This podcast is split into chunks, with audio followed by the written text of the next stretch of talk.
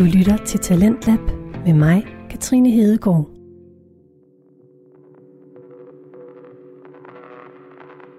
God aften og velkommen til anden time af denne torsdags udgave af Talentlab. Talentlab er vores podcast-laboratorium her på Radio 4, hvor vi giver mikrofonen til et udpluk af dygtige fritidspodcaster fra hele landet. Lyttede du med inden nyhedsoverblikket, så lyttede du til fritidspodcasten Smalt Snak. En herlig sprognørdet podcast med værterne Morten Rode og Victor Storm Messen. Jeg afbrød podcasten alt imens de var godt i gang med en politisk snak omhandlende minkkrisen. Jeg skal lige fortælle, at episoden her blev optaget i november sidste år, men det gør altså ikke indholdet mindre interessant. Lidt længere inde i episoden kan du blive klogere på blandt andet slavehandel. Men først kan du høre lidt mere om Morten Rode og Victor Storm Massens syn på politikernes håndtering af minkkrisen. Det er interessant. God lyttelyst. Og vi angriber dem, som vi ser som vores fjender. Altså, det, det, det, vi kan næsten ikke lade være. Altså, hvis du Nej. ser en person, som du ikke kan... Altså, det er jo, det er jo virkelig så tydeligt, folk de snakker... Hvis folk er meget røde, og de så ser Inger Støjberg eller Pia Kærsgaard, så er de sådan, åh, jeg kan slet ikke holde hende ud, og hendes stemme, og hendes måde at være, og de er sådan, de er jo søde damer. Ja, der er ikke, ja, ja. altså, hold dog op. Og så, og så synes de, øh, du ved, hvad hedder nu, Pelle fra enhedsen, ja, dejlig mand, dejlig fyr, du ved. Sådan, Ja. Hvor hvis, hvis politiske holdninger var om, så ser vi andre ting. Ja, ja, fuldstændig. Og sådan er det også med venner og folk, mm. vi kender, og sådan, folk, som jeg virkelig holder meget af, de kan slippe afsted med meget mere. Ja, ja, men det er jo virkelig, man ser det ikke. Jeg kom, jeg, nu du siger det, kommer jeg til at tænke på det. Vi sad på Christiania i går, hvor at der kommer en fyr hen til os og siger til din lillebror, som Ja. har øh, en brøndbyhue på. Han spørger, er det ikke lidt modigt at have en brøndbyhue på? Ja. Og han, med at sige, han var jo egentlig meget fair overfor det, men han kunne ikke lade være med at se det der. Det var det Nej. første, han så. Der er en brøndbyhue. Det skal jeg lige tage stilling til. Præcis. Og det, altså, vi, vores verden er så meget skabt af, hvad vi tænker, vi bør se. Så vi er nødt til at lægge mærke til, vi er nødt til at sige, hov, Præcis. dum, dum, dum.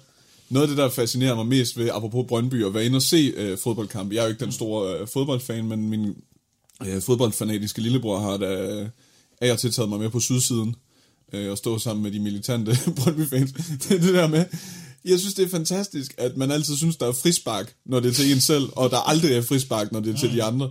Altså, og de tror på det inderligt, men det er jo sådan, det er sådan set øh, lidt det samme som øh, med Støjberg over for Frederiksen, ikke? Der er frispark, hvis det bliver begået af modstanderen. Ja, ja. Hey, hey, han sparker ham åbenlyst ned, og, så det, og hvis Brøndby spiller losser ind i løgnet, så er det altid sådan, lad dog være en dommer, og sådan er, sådan er vi mennesker. Og det er det, jeg mener med, at det er jo derfor, at, at grundloven er så god en idé, at have en instans eller en institution, som er højere end, end noget Ja, men menneske, et er rigtigt. princip. Men så kan man jo også sige, så er der vel et princip i, at så er der begået noget bøvl. Så må, mm. altså, så må de jo gå af. Så må man jo have... Jeg Ja. ved ikke, hvad skal der ske? Jeg ved det ikke. Fordi at så har de jo ligesom overtrådt grundloven. Ja, Hvad men, gør vi så? Ja, jamen altså, øhm, det er jo netop det, så skal systemet slå til. Ja. Men det er jo dyrket, eller hvad hedder det, det er jo øh, styret af mennesker, selvfølgelig. Ja. Så det er, ikke, det er overhovedet ikke øh, så let. Og jeg ved heller ikke, om det nødvendigvis er det rigtige, at der skal advokatundersøgelse eller parlamentarisk hørelse, som radikale har foreslået, eller om det skal være øh, kommissionsundersøgelse, hvad det skal være, mm. altså det skal jeg ikke kunne sige. Men øh, det, altså, det, der, der er ikke nogen tvivl om, de har, de har virkelig messed op med den her. Ja, altså, ja, ja. Men det er også, det stiller dem i et dårligt lys, for jeg synes jo også, det er lidt vigtigt, at man kan stole på regeringen i den her situation, netop Ja. ja. fordi der desværre er så mange, nu bor det ikke i København længere, men nede foran Christiansborg, så står der hver dag mellem 10 og 50, og nogle gange har jeg hørt, der er flere idioter, og står og slår på syltetøjsglas, fordi de er imod epidemiloven, og Ja. så står de og laver larm foran Folketinget. Ja. Og der kommer flere af dem her, hvis folk begynder ikke at stole på regeringen længere, Klart. og siger, at de overtræder grundloven og så videre, og så Ja. Så det er noget bøvl. Og det, men man kan også sige igen, jeg tror, jeg er meget omfavnende at sige, og jeg, jeg tror meget på, at de også bare er mennesker. Det er der jo nogen, der er en eller anden, har en eller anden idé om, de er reptiler, eller de er hersker over verden, og de er, i, ringer til Bill Gates hver dag.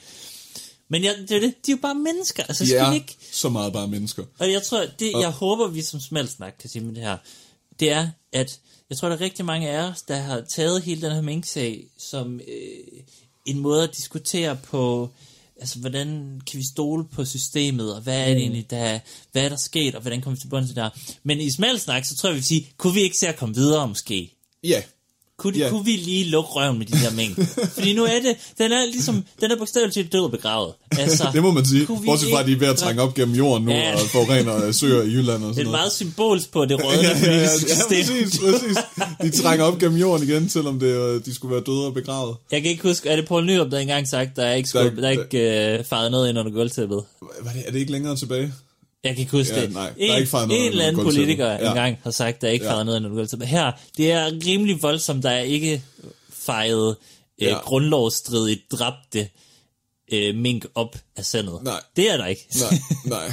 Men altså, ja, altså, jeg er på en måde enig i, at vi, at vi skal videre på en eller anden måde, men jeg tror også bare, at vi er nødt til at komme videre på en rigtig måde, fordi det, det essentielle er nemlig at bevare øh, tilliden til systemet, er sådan rent pragmatisk. Altså, som, jeg vil virkelig understrege her, det her, det er hverken en, altså, det er jo, det er en kritik af rød og blå blok, men det er ikke sådan, det, det er ikke sådan, at at jeg øh, synes, der er nogen, der er heltene og skurkene i det her. Mm. Det er jo netop det, der er pointen, at, at yeah. sådan her agerer mennesker, Ja, og i, i et særdeleshed sådan her agerer politikere. Mm. Men altså bare fra et pragmatisk synspunkt, så kan jeg da også mærke, at, at det underminerer min tillid til, til fordi jeg synes faktisk, de Jamen, har de klaret, gør jo ikke. de har klaret øh, coronakrisen helt vildt godt, og mm. det, altså at være deres sko og skulle træffe de her beslutninger, det er fandme ikke nemt, altså med ufuldstændig viden og øh, korte varsler og så videre, men at de kan finde på at stå og forsvare sig med at sige, det var ikke en ordre, fordi det var et pressemøde, og øh, det var en øh, notits, der gik ud, og så var der nogen, der tolkede det, og så hov, så kom vi til at lade det køre i tre dage, mens de øh, slagtede 8.000 mink i, i sekundet, ikke? Og så, Ja. og så på et tidspunkt, tre-fire dage efter vi blev opmærksom på, at det var ulovligt, så fik vi det så sagt af nogle journalister, lagde mærke til det. Eller sådan. Det, det er bare ikke godt. Det er virkelig ikke godt. Altså, så ja, måske vi har brug for en kommissionsundersøgelse for at genoprette øh, tilliden. Nu tager du dit kedelige standpunkt. Ja. Nu har vi haft hele den her gode diskussion. Ja. Og så tager du det kedelige standpunkt. er jeg, siger, jeg siger bare tilbage til enevælden. Christian 4. Han Ja. fortæller, hvad vi gør. Ja. Det så, hvor fint. dengang grundloven, det var en, der hed Christian. det er det, vi skal tilbage til. Men godt, øh, godt lige forventet, og, ja. Og god pointe, at det Ja. er morale sgu lidt, Tom. Sådan er, det, ikke, øh, det, det kommer overhovedet ikke bag på mig.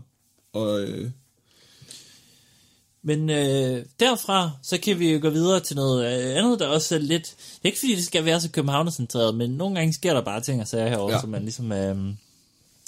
Og apropos Christian 4., så er det jo sådan, at der for nylig, øh, for nyligt endte der en byste Ja. af Frederik den 5. Ja. i Københavns kanaler. Det har man muligvis hørt meget om. ja. Her kommer vores take på det, som nok bliver noget lignende. Men først og fremmest, hvad er det, der er sket? Jo, der er sket det, øhm, at en byste af Frederik den 5. er blevet smidt i Københavns kanaler. Hvorfor er han det? Frederik den 5. var altså konge under tiden for slavehandlen øh, og Danmarks involvering i kolonialisme og slavegørelse af mennesker. Og der har stået en byste af ham på det, der hedder Charlottenborg, som i dag er øh, en del af kunstakademiet og et kunstmuseum. Øhm, og da han står der, fordi at det var ham, der i sin tid skænkede den bygning, der hedder Charlottenborg, til at starte det, der i dag hedder det, eller der ellers hedder det Kongelige Danske Kunstakademi. Og hvorfor er det så, at nogen har smidt, skruet den her byste af, smidt den i havnen og filmet det? Det har de gjort, fordi at øh, de mener, at selve kunstakademiet altså er bygget for penge tjent på slavehandel. Og derfor har de også i den video, de har lagt ud, hvor de skruer bysten af Frederik den 5. væk, som jo altså øh, er en meget gammel byste, øh, så skriver de jo, at det er for at gøre opmærksom på de her problemer med, at det er et akademi grundlagt øh, for slavepenge. Mm. Og så ønsker de jo ligesom at fokusere på, at det er en masse... Der er noget, man hedder hvidhed, og ciskønnethed, Ja. og hersker, og... Alle de gamle travere. Ja, lige præcis. øhm, og det er altså nogen, der kalder sig anonyme billedkunstnere, Ja. og de har smidt den her byste i havnen. Men hun kom så frem med, med sin kunstnerhat og sit halsterklæde øh, på deadline. Ja, lige præcis. Det, vi, det, man antager ligesom, det er flere, og det skriver hun også selv. Øh, den nu bortviste institutleder, Ka- Katrine Dirking Holmfeldt. Hun har et meget øh, adeligt navn. Ja. Det har hun jo så også efter sine ifølge Berlingske. Nordsjælland kind of name. Hun er, hun er af en eller anden form for adelig slægt, fordi hendes tip, tip, tip, tip oldefar var involveret i slavehandel, altså kommer ja. frem. Det er en meget berlinske sådan, måde at gøre det. Sådan, ha, ej, se på dig, du kan Ja, ja, ja. sgu da heller ikke, du kan Nej, ikke nej. dig. Øh, det er også lidt moral, at ligesom ja. er. Du må ikke udtale dig om slavehandel. Nej, fordi din fordi, tip, øh, tip, tip, tip, oldefar, hvad tror du, han måske lavede? Du er i familie med en, der ikke var så sød. Hvad er det for noget? Men det, grunden til, at hun har så lækkert navn, er, fordi hun er en eller anden form for ædelig Ja, slægt. Som, okay. altså, ja. øh, men uanset hvad, hun er, øh, var institutleder på øh, instituttet, øh, en- eller på, ja, hvad hedder det? Øh, Kunstakademiet. Ja, det kongelige danske kunstakademi. Øh, og det viser sig så, at de her anonyme billedkunstnere, der altså har smidt den i havnen, først og fremmest som en anonym aktion, at det er i hvert fald blandt andet var hende institutlederen, mm. og hun siger også selv, og muligvis andre med, jeg siger ikke andet. Nej, Øh, hun det, skruede den man, ikke af helt selv. Det, hvad, hvad siger du? Kunne hun skrue den af helt selv? Er det ikke... Hvor Jo, stor fordi der er jo en, der har filmet. Jamen, Det- den, er, den er lidt en til en, vil jeg sige. Så det Altså er sådan jo fra patterne op. Ja, cirka. Nå, okay, fra, fra brystvorterne op Ja. af Frederik, den 5. ja, det er. Nok lige over, fordi det Ja. skal jo være altså, lidt for, for Ja, det tider. okay. Men altså, det handler jo så om, at Charlottenborg er bygget i, øh, i øh, 1670'erne. Ja. Øhm, øh, og det menes, at han er bygget af en, der hedder Gyldenløve. Mm. Det er selve sådan, også øh, bygningen. Mm. Øh, og det... øh, Nej, nu skal jeg lige se her, fordi det, det er jo noget med, de tager lidt fejl. Jo, de er opfyldt af, af Frederik Gylden, Ulrik Frederik Gyldenløve. Mm. Øhm, og de mener, de mener jo så også, de her anonyme billedkunstnere, at han var et, øh, han ejede ham her Gyldenløve, en af de første slaveskibe, der mm. handlede med slaver. Men det vi skal kigge lidt på nu er, hvor rigtigt er det egentlig hele den her sammenhæng mellem slaveri og opførelsen af et byggeri ja. øh, og øh, opførelsen af et kunstakademi. Mm. Passer det virkelig, at kunstakademiet akadem- akademiet er vokset ud af sorte hænders arbejde? Ja. Øhm, det der er først og fremmest ham, Ulrik Frederik Gyldenløve, der altså har skabt, øh, hvad hedder det, det her flotte øh, Charlottenborg. Mm. Øhm, der ved man, at, at han fik et søpas- søpastilskib i 1675, men man ved ikke de facto, om det nogensinde nåede til Guinea-kysten, altså Afrikas vestkyst, og om det nogensinde indtog Hvad en er han for en type, ham øh, Ja, en eller anden øh, slavehandler, penge, en pengemand. Nej, men Pengemand. fordi, nej, det er det, man ikke ved. Han Nej, var en okay. pengemand, og han fik søpas til et Ja. skib, men der er ikke nogensinde optegnelse En over, at han... øh, Steinbacher fra 1600-tallet. Ja, det kan ja. man sige. Ja. Der er faktisk nogle sjove historier med, at dengang var det noget, man kaldte sådan øh, hofkapitalisme, fordi folk udnyttede, at når man ja. Kunne få et søpas og så videre, så kunne man udnytte, ligesom, det var den måde, man fik lov til at drive ja. Monopol på og så videre. Det er en lang historie. Men først og fremmest, at de anonyme billedkomster erklærer, at ham her Gyldenløve var en skurk, er ikke i hvert fald bevist. Det mm. mener de selv, det er, men den er sådan lidt bob-bob. Men, mm. men man ved, at han fik et skib. Mere ved man sådan set ikke. øhm, og så øh, er der det her med, hvorvidt da, da selve borgen så bliver givet, Charlottenborg mm. bliver givet til kunstakademiet af kongen, kong Frederik den 5. Om det så var ligesom penge til at starte kunstakademiet, mm. om de så var slavehandel. Og der er der altså også, og det er til dels for Weekendavisen, og som min egen research her, at, at Weekendavisen har også spurgt øhm, en historieforsker omkring det her med, hvad penge i den tid, hvor kom de egentlig fra? Og han siger jo så, jo jo, der blev tjent nogle penge på sukker, øh, men størstedelen, af, når man kigger på dansk økonomi og de kilder, vi har fra ja. Dengang, det var altså penge, man tjente i Asien. Det havde ingenting Okay. med slaver at gøre. Øhm, derudover, så øhm, selve slavehandlen, den var en underskudsforretning, faktisk. Og det selvfølgelig, sukkeret har vi nok nyt rimelig godt af, så den Mm. kan vi ikke rigtig løbe fra. Øhm, men det var jo, vi var også en, vi var faktisk det første land i verden til at forbyde slavehandel. Var Danmark det første ja, land i ja, verden? Ja, og der var mange, der mener, at det er fordi, vi var så godsendet, og vi synes bare, det var så synd. Ja. Men en af grunden til, til, som historikere tit siger, at det var så let mm. at afskaffe slaveri- slaveriet, det var også selvfølgelig fordi, at det ikke, Det var ikke lukrativt. det, nej, det tjente ikke rigtig nogen penge. øhm, altså, det er det med moralen igen, når, ja, ja, når det så ja, passer. præcis, så, ja, ja. øh, Men det, det kommer vi nemlig også til, den Ja. her lidt forkerte, øhm, ja, for historieskriven fra den side. Mm. Fordi der skal ikke være nogen tvivl om sukker, bomuld og tobak, som jo altså ligesom var drevet af slavearbejde mm. i de danske kolonier, var ganske indbringende. Mm. Øhm, men det man kalder den florisante periode, altså som var en periode med vækst for Danmark, som måske også har gjort, at der har været penge til at starte et i en kæmpe stor bygning i København, øhm, det var altså også et produkt af, at Danmark holdt sig neutral i flere krige. Og det gjorde, Har at vi man, været gode til altid? Jamen det har vi i hvert fald ja. her, fordi at det der skete var for eksempel med syvårskrigen mellem øh, Frankrig og England, var at det var lidt svært for franske eller engelske skibe at sejle med engelsk eller fransk flag, som altså merkantile flåder, fordi de blev angrebet. At man ville ikke have, at franskmændene fik sukker, fordi at så kunne de ligesom klare krigen bedre, og vice versa. Så derfor så Danmark formåede ligesom at sige, hey, skal vi ikke sejle jeres sukker med et dansk lag måske? Så når det frem. Så på den måde til, godt. ja, det er stadig sukker, så man kan sige, det er ikke helt uden for slaveriet. Nej. Eller i hvert fald blandt andet sukker. Det er jo selvfølgelig alle, alskens handelsvarer. Igen, Men også, det, det er formentlig dyrket ved slavekraft. Ja, ja, men det igen helt- også en masse handel med for eksempel Asien, ja. Hvor et største del af pengene, altså, eller en stor del af pengene Jeg, også... jeg, vil, jeg vil komme med et vildt gæt og sige, at uh, arbejdere i Asien i 1600-tallet har nok også Ej, været de har heller ikke haft det sygt af- godt. Af, af slave, øh, men trods alt, øh, trods alt ikke helt, Ikke, øh, ikke slaver på den måde, tror jeg. Nej, ikke handlede slaver, Nej. hentet fra Nej, nej. andre. Du lytter til Talentlab og fritidspodcasten Smal Snak. Denne episode blev optaget i november sidste år. Øhm,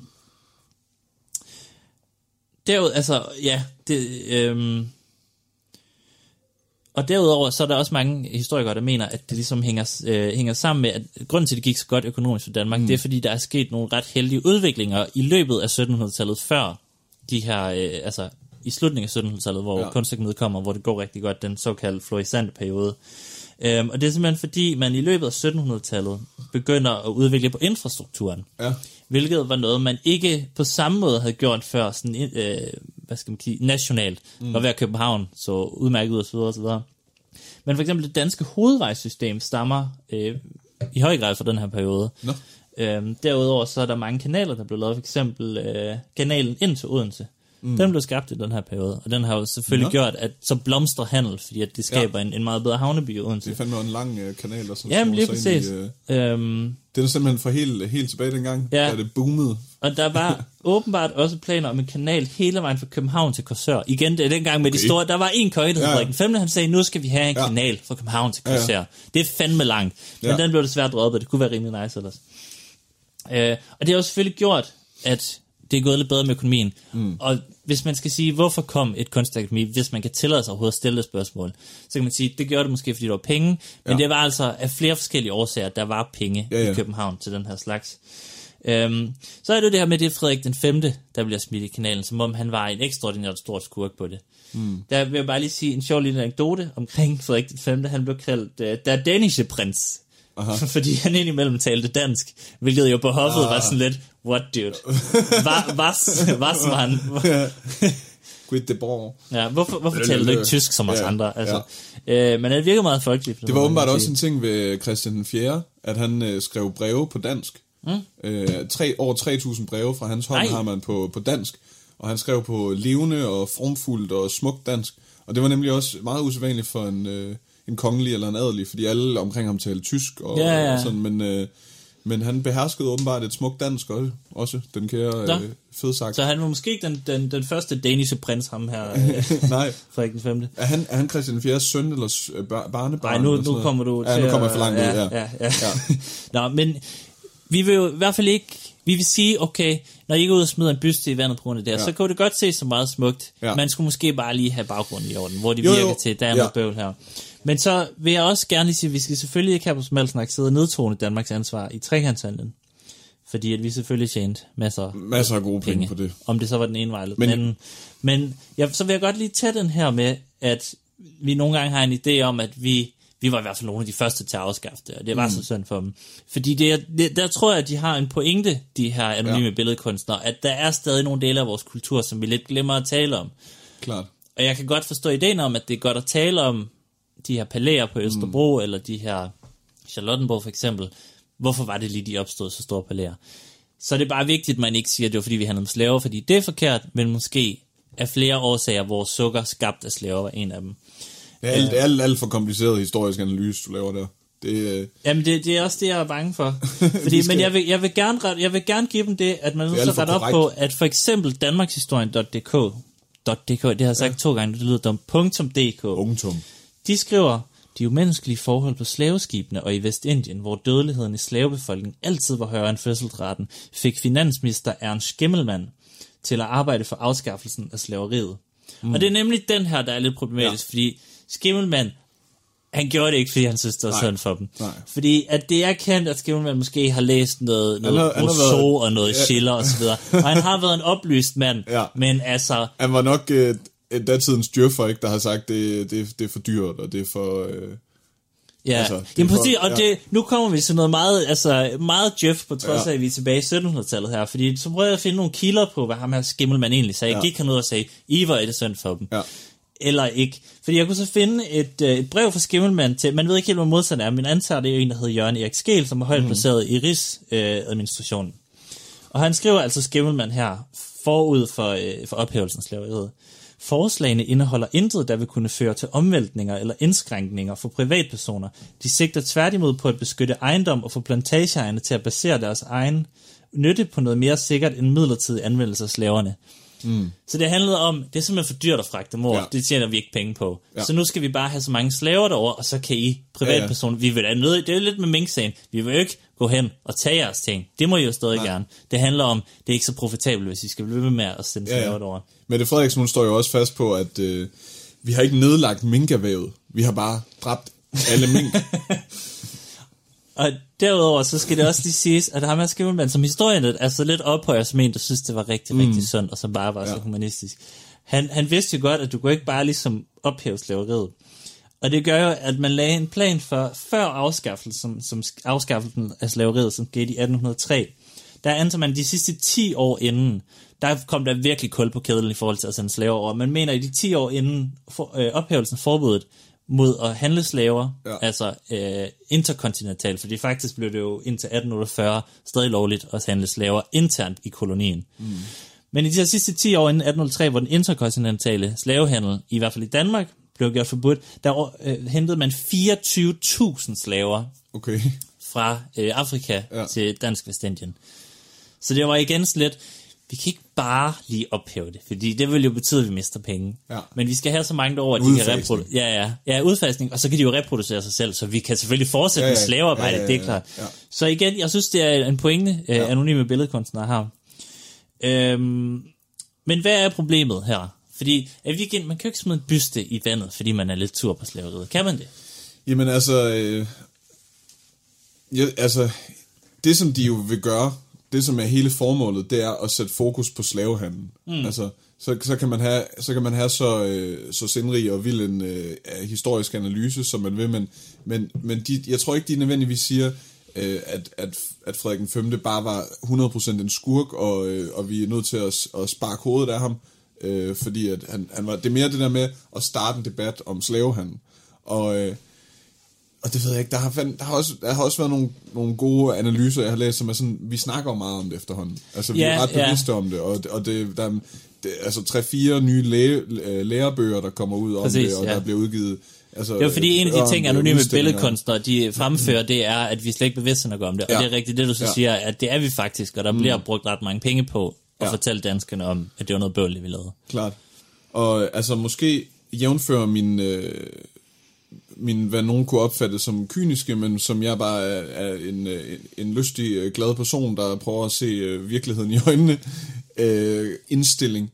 Så det, det, som jeg har tænkt meget på, øh, i forhold til det med at skubbe en buste af, af Frederik 5. i vandet, og, og skulle gøre opmærksom på slavehandel, det er det her, altså hvor mange, som, som har øh, ved lidt om historie og ved lidt om, om verden, øh, er i tvivl om, at vi alle sammen har forfædre, der gjorde nederen ting. For eksempel uh, institutlederen selv har jo ja, tip, tip, Nej, men tip, altså, tip, forstår du, hvad jeg mener? Altså, vi, vi kommer jo fra vikinger, og vi kommer fra, øh, Ja. altså, øh, ja, slavehandler, og, og øh, altså, middelalder-nationer, der var i konstant krig med hinanden, og festebønder, og øh, social udnyttelse på alle punkter, og altså en industrialisering, hvor at en arbejderklasse knoklede for, at vi kunne opbygge velstand nok til at sidde her på, øh, på A-kasse i dag, og altså, hvor, altså og, og, og, og det er jo ikke det er jo ikke kun Europa, altså hvis du går i Afrikas historie, Mellemøstens historie, Kinas historie, Japans historie, for ikke at tale om Sydamerika, alle, alle steder er der jo blevet begået øh, forfærdeligheder. Altså. Og det, det kan man jo ikke, det kan man jo ikke øh, ligesom overse, hvis man, hvis, man, hvis man læser to sider i en historiebog, så jeg forstår ikke, hvem det er. Altså, det kan da godt være, der render folk rundt i velfærdsdanmark i dag, og bare sådan tror, sådan, har, sådan her har det mm. altid været. Sådan har det været siden, siden at, øh, at øh, Gud skabte Adam og Eva. Mm. Der har vi været søde. Der, der, øh, der har der været en velfærdsstat, der er der ikke nogen, der er særlig uenige. Skyderier, det er noget, der foregår på Nørrebro en gang imellem. Og ellers så, så, så er det egentlig bare, øh, så har det faktisk bare... Nørrebro så i hygget- 1200-tallet, det var Altså- fyldt med skyderier. Altså, jeg tror, der er blevet øh, brændt lanterner og øh, altså smidt folk ud på, øh, fra øh, horehuse og øh, lysthuse af alle slags. Altså, folk stabbede jo hinanden i øjnene som, mm. som øh, godmorgen dengang. Altså, middelalderen var jo ekstremt voldelig. Jeg, Ja. ved, jeg forstår ikke, altså, Nej. jeg, jeg ved ikke, om min pointe kommer, øh, altså, men det, vi ved jo godt, at vores forfædre for 300-400 år siden gjorde sindssyge Ja, ting. ja. Og Men, altså, jeg, ved ikke, jeg ved ikke, hvem det kommer bag på. Nej, men jeg tror også, jeg tror, at det deres pointe er, at vi har videreført, det er jo det klassiske, vi viderefører struktur, struktur uden vi er bevidste om det. Det er jo klassisk det her med for eksempel mm. sex, øh, Ja. sexisme, at vi ikke er klar over, at vi er sexister, og racisme, at vi ikke er klar over, hvor racistiske mm. vi er, at de strukturer stadig er der. Men jeg vil stadigvæk holde fast, og igen, fordi når, når midlet til at i talesæt, det er at ødelægge en statue, Ja. Så synes jeg igen, man skal huske, at det er, det er en af de fineste kunstuddannelser i Danmark. Og jeg synes, at der er jo, der er jo en kunstner bag statuen. Det kan jo godt være, det er jo ligesom hvis vi begynder at brænde billeder af Auschwitz, fordi vi synes, det var uheldigt Auschwitz. Mm. Altså, så er der jo stadig en kunstner, der har tegnet det, og det er vel, det, jeg synes, det er lidt paradoks i faktisk, at kunsten jo faktisk er, hvordan, kunsten det det kan, det er ligesom at vise, hvordan andre mennesker har forstået en situation, og så kan vi på grund af kunsten gå ud og diskutere, er vi ens, er vi forskellige. Mm. Så når, i virkeligheden, og det der paradokset ligger i, at selve motivet er jo ikke det kunstneriske i virkeligheden. Nej. Hvad end om det så er Auschwitz, eller Frederik den 5., eller det er en blomst, eller det er jo mm. meget nærmere, hvad den kunstner har set. Og, og selve diskussionen, som er sund nok, hvorvidt mm. der er strukturelle øh, racisme, eller strukturel slave... Mentalitet. Ja, ja, ja, jeg ved ikke, hvad man skal ja. kalde det. Altså, den vil der altså, blive meget, en meget bedre diskussion af, hvis vi kan sige, hvis du skal bevise, der er strukturelle øh, problemer på grund af slavetiden i dag, så kan vi jo lære om det ved at kigge på historien, ja. Ja. og så sige, når en mand som Frederik den 5. får lavet en byste, og, får mange, og bliver set som en god konge, blandt andet ved, at der er nogen, der laver ham som en byste, og ikke laver den helt vildt grim, så er det jo noget at sige på, at dengang var han vældigt. Og det er, jo, det er jo at lære af historien, ja. så man kan sige, hvis vi stadig siger, at han var bare den bedste konge, så er det klart, så er der et problem. Mm. Men vi kan jo ikke sige i dag, at vi synes i dag, at har vi et andet syn på hvis vi ikke har kilder fra den gang, Nej, hvilket den her byste for eksempel kan være. Ja. Så det er fuldstændig sindssygt, at man som kunstner går ud og tænker, at man skal ødelægge et kunstværk, Og der er også fordi... øh, kunst, øh, altså ordet kunst og begrebet kunst er jo at skabe, og i det her tilfælde Ja, ja. er det at destruere, ikke? Ja, ja. Kunsten bliver at destruere tidligere kunst. Ja, ja. Jeg gider ikke den der kedelige diskussion med, er det kunst eller ej, du ved. De har sat en ramme om, det er et kunstværk, det er en happening. Ja. Det er fint nok. Men det er en, det er en, øh, det er en form for, for brutal kunst. Altså, Men det, jeg det er en form for lav kunst. Ja, og jeg synes også, det er en meget, helt ærligt, fascistisk form for kunst, fordi mm. de ligesom tager patent på, hvad symbolikken i bysten, den ligger i. Mm. Fordi de er meget fixeret på symbolik. Nu kan jeg se nogle af de andre ting, de skriver, de her øh, anonyme billedkunstnere. Altså det er det her med, for eksempel byen Charlotte Amalie på St. Thomas, altså den tidligere danske ø i Dansk Vestindien, har navn efter Charlotte Amalie, ligesom Charlottenborg opkaldt efter hende, at de drager en parallel mellem de to ting. Hvor det igen, det er en symbolik, der kun hvis du har deres verdensbillede eksisterer. Mm. Hvor at, altså, jeg vil sige, det er jo historie, det er jo ligesom bare sådan, det er. Og så derudover, så har de også, de skriver, at øh, murbrokker, og jeg kan ikke helt forstå logikken i, hvordan det her hænger sammen, men de skriver, at murbrokker, der blev brugt til at bygge Charlottenborg, også blev brugt som ballast i slaveskibene, og at de nu samme murbrokker derfor er blevet brugt til at bygge bygninger på St. Thomas. Ja. Altså, Charlottenborg. Okay. står der stadig, Ja. så det kan ikke passe. Men hvis I mener, at de kommer fra det samme teglværk, så er det jo bare en kendskab. Igen, ja. det er jo ikke, det er en voldsom symbolik at lægge ind i, at fordi der er et teglværk, der laver gule teglsten, som laver Charlottenborg, som laver de samme gule tegl, altså, ja, det er sådan lidt så jeg trættende. synes, det er en, altså, en forskruet Ja. tilgang til verden. Og så, Og så vil jeg øh, slutte med, fordi det var der nemlig også en i weekendavisen, der Mhm. meget fint skrev, et citat, jeg også altid har været meget glad for. Den, der brænder bøger, ender med at brænde mennesker. Ja. Som er den øh, jødisk fødte digter Heinrich Heine, ja. Som jo sagde det meget smukt mange år før nazismens. Mm.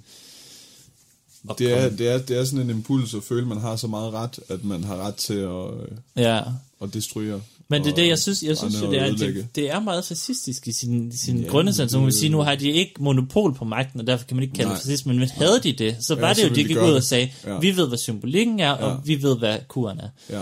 Og det er jo, når, vi, når det netop er kunst, vi taler om, mm. så kan jeg godt se en politiker kan gå ud og sige, jeg ved det og det er det, og så har jeg ikke behov for at kalde vedkommende ja. fascist, fordi sådan er politik. Men kunst bør netop være, at jeg siger, jeg synes det er det her ud med armene, og du siger, jeg synes det er det her ud med armene. Klart. Det er jo der diskussionen i kunsten ligger, hvor deres Klart. er så...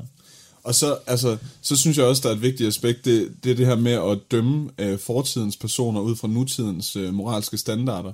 Det er også en utrolig finurlig, øh, fil, fileløjerlig idé. altså, fordi lidt i samme, altså det, altså det giver jo ingen mening. Og igen, øh, for ligesom at, at give dem credit, altså det de vil, det er at gøre opmærksom på et emne. Ikke? Men vi kan jo ikke lade være med at drage af, de logiske øh, konklusioner, der er, at I synes, at, at, at øh, Frederik den 5. var en skidtkal, fordi han stod for slavehandel. Som om, at det ville være det samme, som hvis det var i dag, og hvis, mm. vi, havde, hvis vi havde det system. Der, altså, det er i 1700-tallet, det er en anden verden, det er en anden, det er en anden samtid. Altså, og, og du kan ikke, du kan ikke bare dømme folk, der levede for flere hundrede år siden, efter de øh, normer og standarder, vi har i dag, og menneskerettigheder, og, altså, fordi det var ikke til stede dengang. Altså, og jeg sad og hyggede mig lidt med, kan vide, hvem man mere skulle fordømme, altså hvis, øh, hvis man skulle dømme folk efter samme standarder. Altså, og altså umiddelbart jo Aristoteles, Platon, Sokrates, de levede alle sammen i slavesamfund. Fuldstændig. Altså, og Aristoteles skrev endda øh, ting, som øh, retfærdiggjorde slaveriet. 100% sla- slaveri og pirateri, mm. som var en helt legitim øh, måde at tjene penge på øh, i de gode gamle dage. Øh, og øh, som jeg måske også kommer ind på lidt senere, et, et argument, der tit kom fra øh, øh, nybygget, øh, altså, hvad hedder det, nybyggerne og kolonisterne i øh, Virginia og USA og, og det amerikanske syd for slaveriet, Aristoteles' argumenter for, at der er en orden i verden, og nogle af står højst, og nogle står lavest, så derfor er slaveriet i orden. Det, og, altså, vi kunne godt hamre statuer ned af Aristoteles og glemme alt, hvad han har sagt, så ville vi bare ikke have retorik og filosofi og videnskab og øh, altså, videnskab mm. generelt, altså, og, øh, og hele den græske kulturhistorie givet videre fra ham, og altså, det giver ingen mening. Du lytter til Talentlab og fritidspodcasten Smal Snak med Morten Rode og Victor Storm Madsen som værter. Den her episode blev optaget i november sidste år. Og så kan man jo sige, alle monarker i hele Danmarks historien er jo dybest set, altså i hvert fald enevældet fra 1660 til grundloven i 1849, de er jo øh, enevældige diktatorer. Mm. Ja, ja. Og det er, jo, det er jo sådan set imod alt, hvad vi står for. Så vi kan banke alle konger ned, vi har stående. Og lad os, gøre lad os smide med kanalerne. Ja, lad os smide dem i kanalerne, dem alle sammen. Altså, og så ellers så har Martin Luther, kvindesyn, syn på jøder, syn på muslimer. Elvis Presley, øh, forhold til en 14-årig. Ja, den var ikke Øh, det var heller ikke så godt. Det var ikke gået i dag. Det var den ikke. Og det er Jerry Lee Lewis, det, det samme. Den gik heller ikke helt øh, dengang. Winston Churchill, han kunne ikke lide inder. Øh, han var generelt en, en, en dårlig type, ikke? Altså, han nød at være øh, øh, herfører. Og, øh, Dybt alkoholiseret derudover. altså, Altså, så altså han- ikke et forbillede på nogen måde. Nej, nej. Han var bare... Han vandt for 2. verdenskrig. Det var det, han gjorde. Ikke? Men udover det, så var han faktisk ikke en sød fyr. Nej, ikke umuligt. Øh, Dirk Passer. Ja, nå, selv Dirk. han, øh, øh, han sagde, at kvinder kan ikke være sjove, og bør ikke være sjove. Så øh, altså, hvis, hvis, øh, altså, hvis du ser en Dirk Passer-film, og øh, trækker på smilebåndet, Det Glem. er strukturel det er, sexisme. det er chauvinisme. Fuldstændig. Øh, Du bør gå hjem, Men- og så går du tage Ja. din Dirk Passer-film og smide dem i kanalen. Men det er bare for at sige det absurde i det her. Ja. Altså det, og, og, altså det, det, jeg, synes, jeg synes jo, altså det, det, det kommer jo fra et godt sted. Vi vil gøre opmærksom på, at vores forfædre var skurke. Men okay, Ja. altså det, det, det, det ved vi godt. Eller det, altså det ved jeg i hvert fald godt. Altså sådan, og så netop, så, så lav et maleri om det, i stedet for Ja. at ødelægge andre. Ja, men det kan jeg Øh, garantere dig for, det er de i fuld gang med. Det er de i gang jo- med. Nu har jeg jo høre. øh, researchet lidt på nogle af Ja. dem, som i hvert fald er kendt på kunstakademiet. Nu kender man ikke andet end institut, tidligere institutleder Katrine Dirking Holmfeldt, mm. men der er jo nogle andre elever, der er ligesom er kendt for at være øh, identitetspolitiske, mm. som de hedder. Og de virker meget dygtige, og de laver ting, og jeg vil også bare sige, bliv ved med det. ja. Men inden vi lige lægger den her på hylden, øhm, så er det jo selvfølgelig sådan, at det er jo fordi, at institutlederen nu øh, er blevet fyret, så er der godt nok en fungerende institutleder, som er lektor Majbrit Born. Men det må jo tyde på, at der snart skal være en ny institutleder. Mm. Og derfor vil vi gerne som jobformidler, som en slags jobbank, ligesom sige, at det er jo en mulighed for øh, at få et job her, hvis man mm. sidder vi selv øh, arbejdsløse. Mm. Det kunne det være, man skulle søge det. Og jeg, jeg tænker, hvad kunne jobkravene være til sådan en job? Det er mm. sådan her, jeg tænker, at de kunne være. Og de står her i jobannoncen her. Øh, vi forestiller os, at du er vant til at navigere i politisk anspændte miljøer, og ikke bange for at forsvare brugen af ord som kønsroller, ægteskab og nære. Mm. Du er forstående over for komplicerede sammenhænge og ved, at verden ikke drejer sig om dig.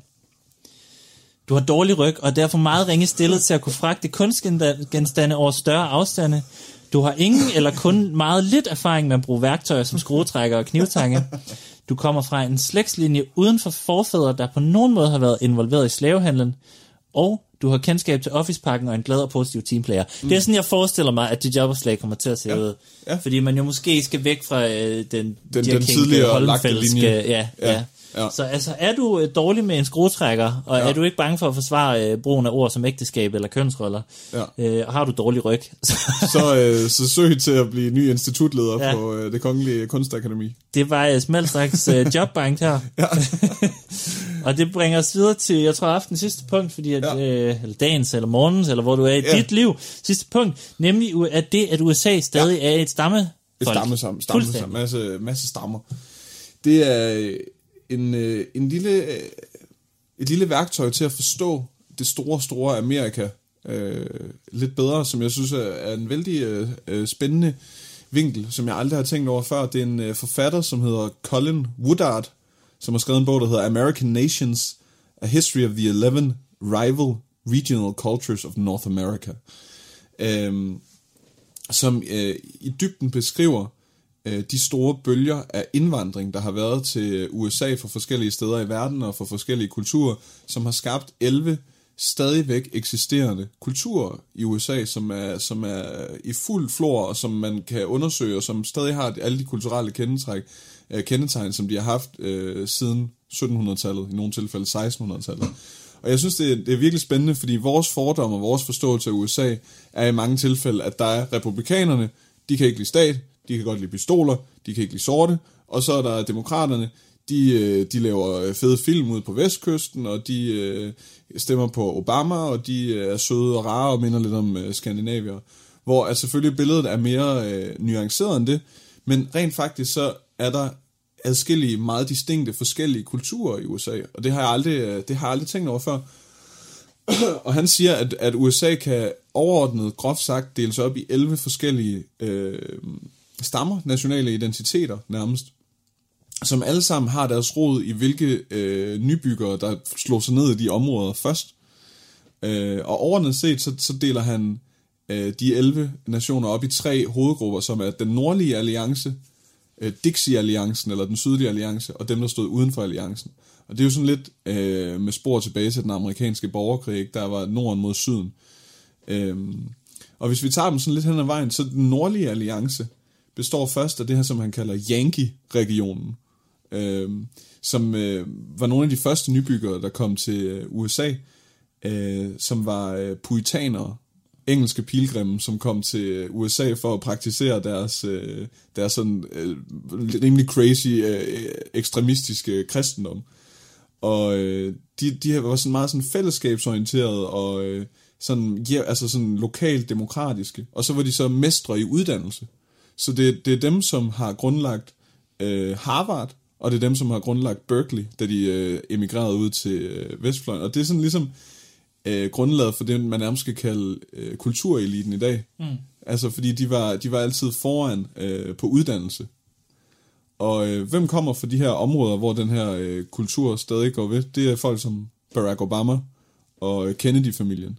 De, de hører lidt til den her, det her kulturelle lag af højt uddannede, øh, øh, på en måde stadig intellektuel, mm. øh, men med visse sådan, øh, altså kulturelle rødder i puritanismen. Mm. Og det, som, det som, som han sådan siger, det er noget af det, der var ved, det er, det er øh, hvad hedder det, øh, øh, trangen til at prædike sin, øh, sin øh, verdensopfattelse for alle andre. Du ved, de har den her, den her nymoderne politiske korrekte øh, sindhed, som de gerne vil have, alle andre også skal følge. Det synes jeg var en lidt sjov øh, linje at trække på den måde. Og så er der så, øh, lige nede under Yankee-religionen, er det her, som han kalder Ny Holland. Mm. Øh, og det er simpelthen fordi, at øh, New York City hed jo først New Amsterdam, og var grundlagt af hollandske nybyggere. Og øh, det vil sige, det er hollandske handelsfolk. Og øh, deres kultur, det er en øh, øh, åbenhed, en tolerance over for alle forskellige slags mennesker, men rå kapitalisme. Og øh, meget få offentlige institutioner. Og øh, de havde også slaver helt i starten. Og, altså, det var, det var, det var penge, pengetaler i New York. Hvem kommer ud af den her kultur? Donald Trump mm. er en klassisk øh, Ny Holland. Jamen det er sjovt, at der er de der paralleller i nutiden, at uh, man stadig, som man kan se, at der at det går igen, Jamen, de altså, her sådan grundlæggende indvandrere, eller ja, indvandrere. Ja, ja, præcis, og kultur. Og ja. det, som, man, det, som uh, forfatteren siger, er meget interessant, er, at, øh, at det er som om, at, at kulturen er blevet plantet i jorden. Mm. Altså, at selvom folk har flyttet ja, ja. rundt omkring, så er det ligesom om, at de har altid stemt på samme måde, og de har øh, bibeholdt de samme traditioner, de steder, hvor de så var. Så det, det er virkelig sådan øh, tydeligt at se stadig i dag nogle af de her sådan, øh, hvad skal man sige, fællesskaber og grupper, som, som føler sig øh, forbundet med hinanden. Og, og den sidste, den sidste, hvad hedder det, nordlige alliance, det er det, han kalder Vestkysten. Og det er faktisk også puritanerne, de oprindelige Yankees, som immigrerede til, til Vestkysten, grundlag øh, Berkeley. Og så har de ligesom, øh, hvad hedder det, bibeholdt den her sådan, øh, hvad skal man sige, højt uddannet mentalitet af sådan øh, god gammeldags engelsk puritanisme, men de har fået så meget influx af, af, af hvad hedder det, guldgraver og lykkerider og alle slags, at de har fået en meget sådan multikulturel, mm. øh, men individualistisk kultur. Og det er ud af det her altså ting som Silicon Valley og Hollywood og alle de her ting øh, vokser sådan en rig kulturliv. Mm. Af, Opportunistiske kan man også kalde det. Det kan man helt klart kalde det, og multikulturelt. Mm. Hvem kommer herfra? Jeg skrev Red Hot Chili Peppers med det samme. og Steve Jobs, og så har jeg så skrevet alle de fede. De kommer ja, det er rigtigt, der. de kommer altså, tit derfra. De, de, de fede amerikanere, det er, jo, det er jo Los Angeles og San Francisco. Jamen, Kalifornien er også bare... Kalifornien er, er jo, det er guld dernede. rart. der er fedt i Kalifornien. så lækkert i Kalifornien. Hyggede du dig, da du var i Kalifornien? Jeg kan slet ikke komme over, hvor rart der er. Altså, der er intet sted på jorden, så bare er rart. Det er sådan fordi, easy going, eller? Jamen, det, det er både fordi folk er sådan, man kan godt, hvis man lige husker, at der er en klimakrise, og husker, at der er, øh, jeg ved ikke, hvor mange tusind eller 100.000 hjemløse i Los Angeles, ja. 40.000 tror jeg muligst det er. Hvis man ikke glemmer det, ja. så er det bare sådan, der er så rart. og man kan bare nice, køre store der... biler, og der er store motorveje. Er brede, og, og udover det, så er folk bare mega chilleren. Mm. Og så er vejret mega godt. Ja. Det er bare så... Mm.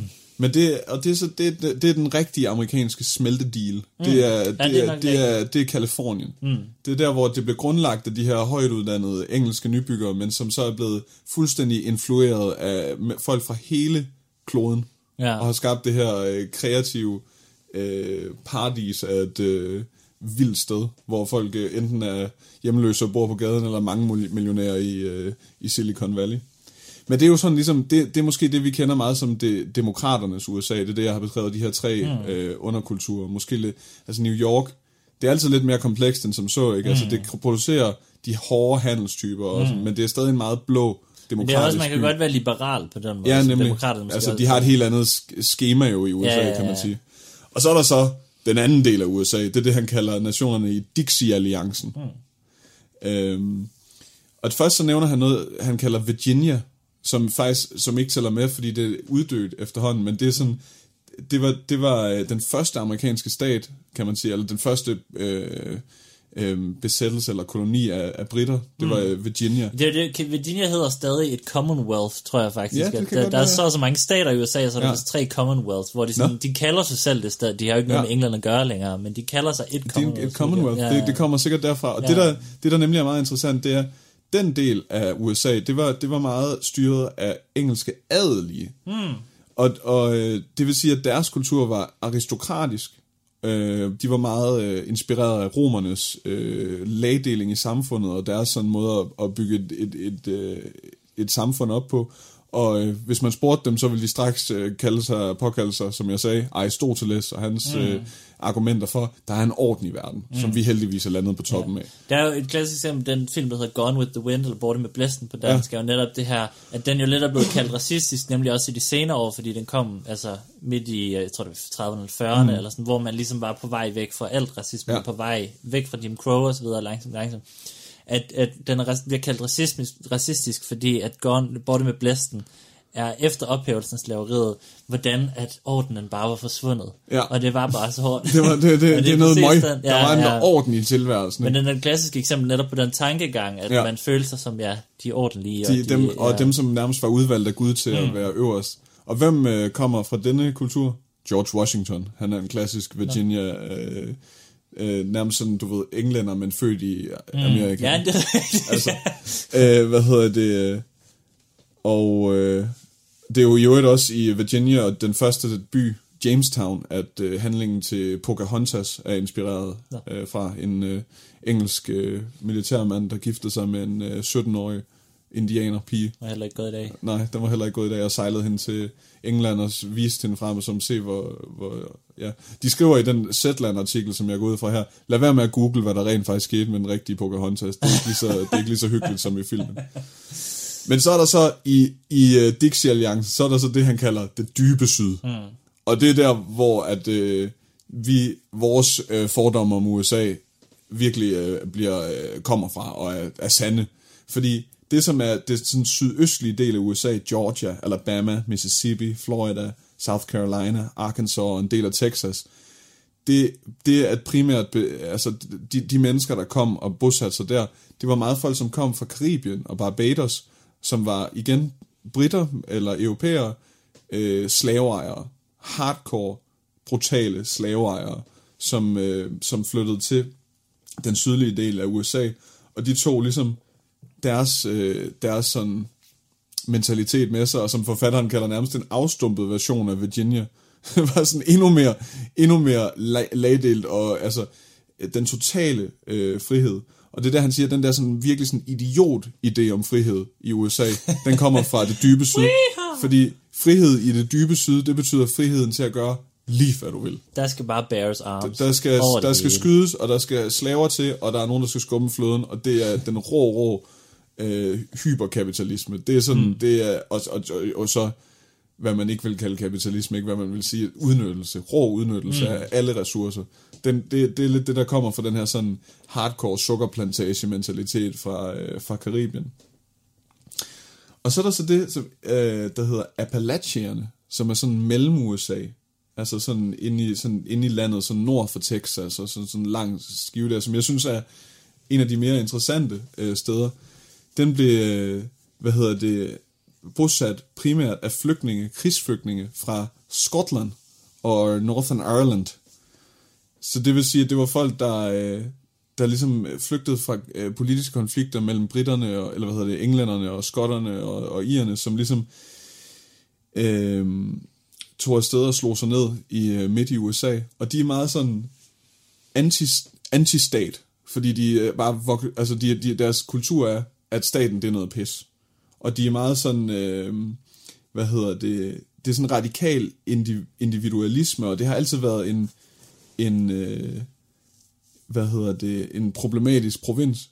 Og det, der er så interessant ved dem, det er, at de havde også de sydlige øh, slaveejere. Der var et eller andet i deres individualistiske tankegang, der var sådan, var sådan det kan man heller ikke. altså, øh, og, og så synes jeg, der er en fed historie. George Washington, han indførte, øh, hvad hedder det, en skat på whisky på et tidspunkt, kort efter øh, frigørelsen.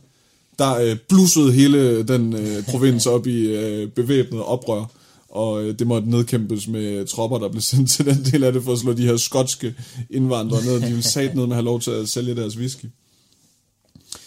Øh, men det synes jeg sådan, det er nok de mest vigtige områder. Mm. Og det er bare for at sige det der med, at der findes virkelig åbenbart nogle meget sådan distinkte kulturer, som stadig eksisterer mm. i dag, som, som ikke har lige så meget med hinanden at gøre, eller som er lige så sammensmeltet, som man skulle tro. Mm.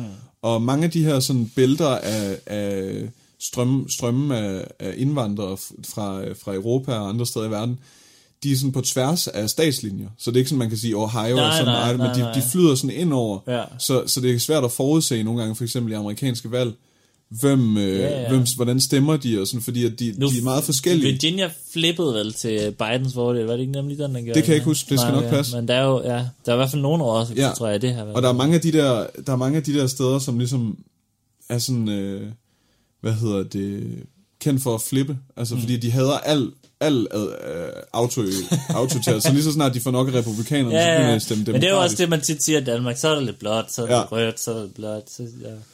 Og bare lige for hurtigt at sige, så er der også noget, der hedder El Norte, Norden, som er sådan ligesom syddelen af Nå, USA. ja, det er i virkeligheden mere en, en Ja, ja. meksikansk kultur. Ja. Altså, så de, er- de er pro-indvandring, men ellers meget konservative. Og så er der spansk Karibien på øh, Floridas sydspids. Og så er der noget, han kalder Ny-Frankrig i Louisiana og New Ja, Orleans. Louisiana, klart. Ja. Og jeg kom bare til at tænke på, for jeg har været i New Orleans, mm. og det er bare sjovt det der med, når jeg tænker over det, maden var jo helt anderledes. Det var virkelig alt sådan noget, sådan noget øh, altså rejer og fiskmad og noget, noget helt sådan særlige øh, retter, og de har stadig sådan franske navne og franske ord, de, de fejrer Mardi Gras og alle bygningerne. Det er et af de eneste steder i USA, hvor de ikke river alting ned og bygger op igen. Det er sådan nogle klassiske, gamle europæiske villager i sådan mm. miniformat, alle, alle øh, husene. Og, så det, det er sådan en lille lomme af sådan Ja, ja, ekko fra øh, franskmændene, der Ja. stadig eksisterer i USA. Og, altså, og så er der kvækere også, uh, The Quakers, uh, som, som i modsætning til puritanerne troede på det gode i mennesket. Det var sådan en filosofisk uh, konflikt mellem forskellige mm. kristne grupper. så, så de, er sådan, de var meget uh, tilgængelige, eller hvad, hedder, hvad skal man sige, uh, tilbøjelige til at acceptere folk i, uh, i den her Men amerikanske... det er jo basically, det er jo USA i nødskal. Det er kristne, der er jo enige om, hvorvidt det er okay at være bøsse eller ej. Ja. I forskellige grader. Ja. Det er sådan, hvor okay eller hvor meget i helvede Hvor okay er det at være ja, bøsse? Det er bare... Ja, Ja, det er- det er der, vi, øh, Sjovt, man stadig kan se det. Ja. Og han påstår så, den her forfatter, at det ligesom er meget tydeligt stadigvæk, Ja, at, ja. At, øh, at de... øh, Men det virker, det synes jeg da også selv, jeg kan genkende. Ja, ja, og det giver mening, når man ligesom, øh, når man hører det, ikke? At der, er- det er jo selvfølgelig forskellige bølger og forskellige kulturer, altså det er jo, øh, de er jo et land af indvandrere. ja. Men her, hvor vi runder en time og øh, 20 minutter efterhånden, Det kan godt være, at vi så skulle til at... øh, kan vi runde af med at fortælle, at du i dag har fået at vide, hvad, øh, hvilken yoghurt, der er opkaldt efter Homer-sanger, da vi hvem Helle ja. Marie fra Mariekiksen er. Så har vi fået et lille jobtip på banen her. Så har vi rundet lige mink, situ- mink-situationen. Aha. Og den her fremragende historie omkring USA, øh, som er et ja. Ja. stammesamfund. Og så kunne jeg godt tænke mig lige, fordi nu sagde du Yankee. Ja. Fordi hvis nu starter vi med etymologier, så slutter vi sgu også lige på en hurtig en. Ved du, hvor ordet Yankee kommer fra? Jeg slog det faktisk op før. Nå, ja. Jamen, øh, jeg, jeg tænkte også på at sige det, da du Ja, snakkede ja, ja, ja. Men jeg tror, det er, det er usikkert. De er ikke sikre på Nå. øh, præcis, hvor det stammer fra. En af budene, et af budene, som jeg synes var bedst, det var, at det kommer af øh, hold, det hollandske ord. Fra Jens Hansen. Ja, ja, sådan, det er John Smith, ikke? Det er det Ja. mest sådan øh, standardnavn. Det Ja, er ja. Jan, Jan Kees, åbenbart. Ja, Jan jeg Kees. tror, det er K-A-A-S. Ja, Jan Kees, Ja, Koos, ja, ja. som åbenbart er sådan ligesom den mest normale type, man kan have. Det er en Ja. ja. Jan Kees, og så er det blevet til Yankee. Så en Yankee var ja. En hollandsk indvandrer, som var meget klassisk. Ja, Hollandsk sådan indvandrer. En whatever, Ja. white guy. En Jan Kås. Og så slog blev jeg faktisk også lige op, hvad gringo, hvad det betyder. Nå. Det er jo det, amerika- Ja, ja. eller hvad hedder det, sydamerikanerne kalder amerikanerne. Og det er åbenbart, kommer fra øh, græsk, altså g- griego, øh, græker, Græker? som, som er sådan en måde at sige på, det er græsk for mig, det er kinesisk for mig. altså, så dem der, dem, der snakker vrøvl, det er en gringo, det er en gringo, det er en, der snakker noget, noget mærkeligt øh, øh, barbarsnak. Det, du har lyttet til nu, det er øh, lige knap halvanden times barbarsnak, så det er en fremragende note at slutte på det, Det der. er græsk, tror jeg. det er græsk, smal snak, det er græsk. det der var smalt snak. Mit navn er Morten Rode, Jeg hedder Victor Storm Madsen. og tak fordi du lyttede med. Vi sender på et tidspunkt igen Ja. inden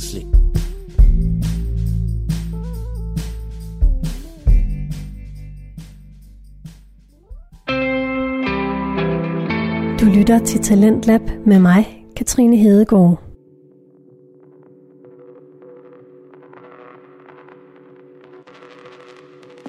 Det er rigtigt, og du hører det her afslutningen på fritidspodcasten Smal Snak. Hvor værterne Morten Rode og Victor Storm Madsen i denne episode kom vidt omkring. Emner lige fra mink til Marie Kiks blev vendt. Ved ikke med dig, men jeg blev i hvert fald klogere. Talentlab her på Radio 4 er slut for i aften. Klokken nærmer sig midnat. Tusind tak til de dygtige fritidspodcaster, der bidrog til denne udgave af Talentlab.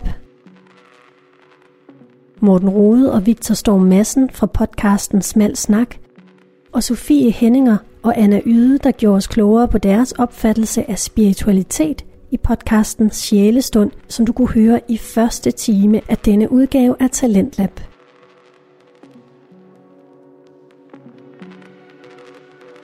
Det var mine ord for i aften. Nu banker mørket og natten på, og jeg giver mikrofonen videre til nattevagten.